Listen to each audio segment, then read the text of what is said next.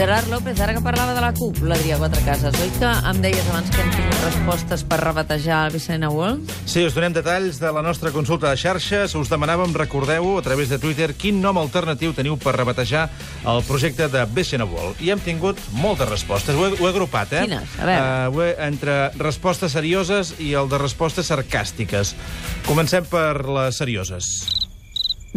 No n'hi ha cap. I ara anem per les sarcàstiques. Eh? La més normaleta, la més repetida, és Catwalt, com ens proposa, per exemple, en Marc Boades i en Carles Forbat. Després tenim els noms que refereixen a Convergència, a l'Esquerra i la CUP. Ah, que també exacte, ha, perquè eh? BCN World està relacionat directament amb la CUP i el conflicte. Què? Doncs a veure, pensant en Oriol Junqueras, ens suggereixen uh, Junte Carlos i Junqui Wall. Pensant en Convergència, proposen 3% Wall i Pujolàndia. I pensant en la CUP, ens proposen CUP and Posco Hating Wall. I ara entrem en noms inspirats en el joc. Atenció. Viva La Mireia Genís ens proposa Is a Complex Wall. En Marc Guadilla, amb un gif inclòs, eh, la que has liado Polito World. En Toti Girabanques ens proposa Casino Wall, eh, amb el joc de Casino World. casino. En Ramon Aguilar, eh, Las Vegas Resort Europe. Eh? I ara entrem ja en noms inspirats en el territori. En Gelati República, molt actiu, també ens proposa Vegas de Baix. Dues tuteires, la Mari i la Lorena, 23, ens proposen que es digui Salou Fest, directament. Però per mi, el millor se l'endú en Xavi Bermúdez, proposa que es digui Dry Bills World, o sigui, dry de sec, village de vila, vila seca en anglès. Ah. O sigui, Dry Beach, uh, Dry Bills World. Home, casino té gràcia, si sí. hi hagués casinos, però cada vegada n'hi ha menys. Sí, o sigui, el- que ja no té molt sentit. Però el Dry Bills World, eh? Dry Vila seca? Domènec Sobirà, Bon dia. se'n vas de vacances?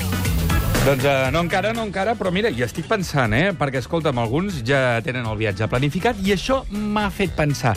Vosaltres sou dels que ja ho teniu tot planificat Tot, fa mesos? tot, eh? tot, mira. O sou dels que ara mateix el més calent és a l'aigüera? Exactament. Eh? Us agrada tenir-ho tot previst o us agrada improvisar? Perquè hi ha qui ara mateix ja sap on viatjarà, no ara no, sinó per Nadal.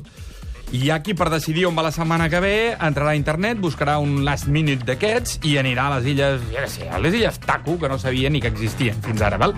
Deixar-ho tot per última hora té un risc. Et pots trobar que hagis d'anar improvisant i buscant eh, d'avui per demà on dormiràs eh, cada nit, d'acord? Això a tu t'agrada molt. Home, què vols que... A mi, a mi sí, però m'ho retreuen, eh? Consti ja, ja. que m'ho retreuen, eh? Això d'improvisar i anar a última hora. Perquè l'altra opció, què voleu que us digui? De veritat que he de començar a buscar ara un bed and breakfast pel desembre? Mira, a mi ja em fa ràbia que aquí a la meva ciutat, si un diumenge vull improvisar, doncs em trobi que se me'n riuen a la cara perquè no he reservat taula, eh?, per poder dinar. Doncs imagina't en un viatge, corre, corre, que si no el vol serà molt més car, que hi ha, no hi haurà cotxes de lloguer, que no hi haurà hotels amb bona vista eh, al lloc on vas, que no hi haurà entrades per visitar un parc natural o que no trobaràs tiquets per aquell vaixell que recorre el riu.